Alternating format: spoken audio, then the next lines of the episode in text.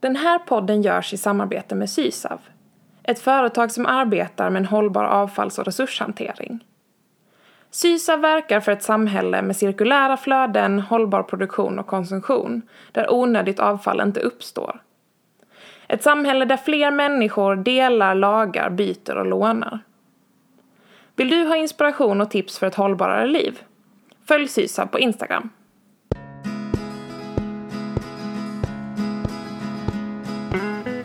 Välkommen till Steg för steg, säsong 3. Jag heter Tess Waltenburg och det är jag som tillsammans med mina gäster skapar den här podden.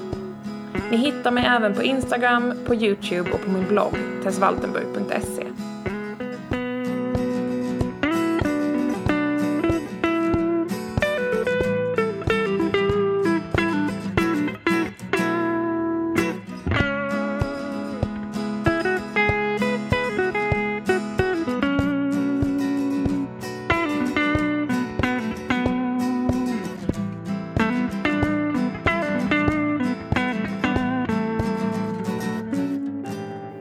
lyssnar på Steg för steg, en podcast med inspiration för ett mer hållbart liv. Det här är faktiskt det sista avsnittet för den här säsongen. Den blir lite kortare med tanke på rådande omständigheter men jag är ändå väldigt glad över de fina samtal jag har fått till med Carmen, Hanna och Denise. Jag är även väldigt tacksam för samarbetet med Sysav som sponsrar den här säsongen. De gör så himla mycket bra och jag hoppas verkligen att ni vill spana in deras kanaler och se vad de gör både för att förebygga avfall och för att se till att saker väl hamnar rätt och tas om hand när det väl inte går att använda längre.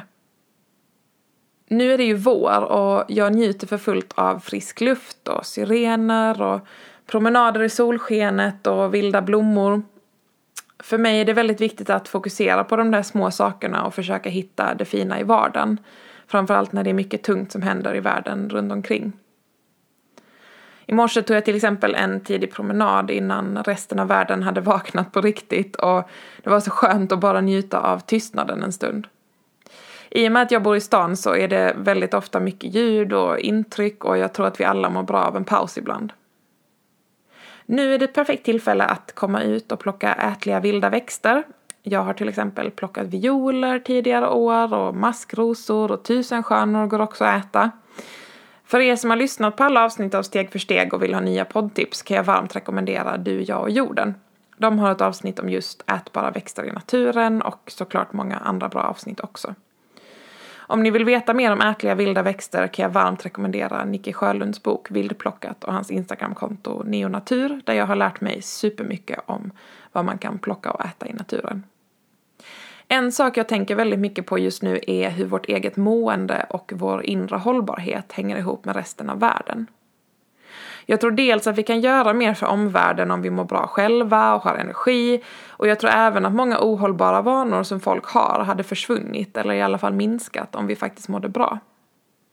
Jag har till exempel shoppat väldigt mycket och rest för att bli vardag när jag mått dåligt innan men nu fokuserar jag på att bygga upp ett liv jag inte behöver ta semester från istället. Att acceptera att livet går upp och ner men att jag kan försöka göra det bästa av det livet jag har. För när jag mår bra och har energi så skapar det ringar på vattnet som påverkar min omgivning också. Så jag hoppas att ni tar hand om er och att ni kan hitta energi att skapa positiva förändringar både för er själva, de ni bryr er om och resten av världen. Ni får jättegärna dela med er av tankar och funderingar kring det vi har pratat om i den här säsongen antingen på Instagram eller till min mail test.waltenburg.gmail.com Jag hoppas att du får en fin dag. Tack för att du har lyssnat. Hej då!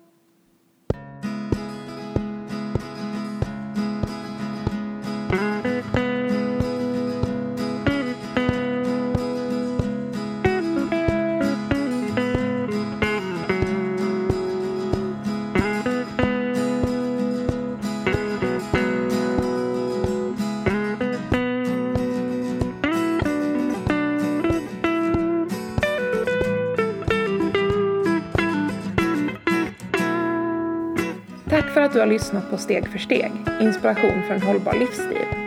Om du gillar podden får du gärna prenumerera på den i din poddapp eller tipsa om den till någon du tror skulle gilla den. Lycka till på din resa mot ett mer hållbart liv, så hörs vi snart igen.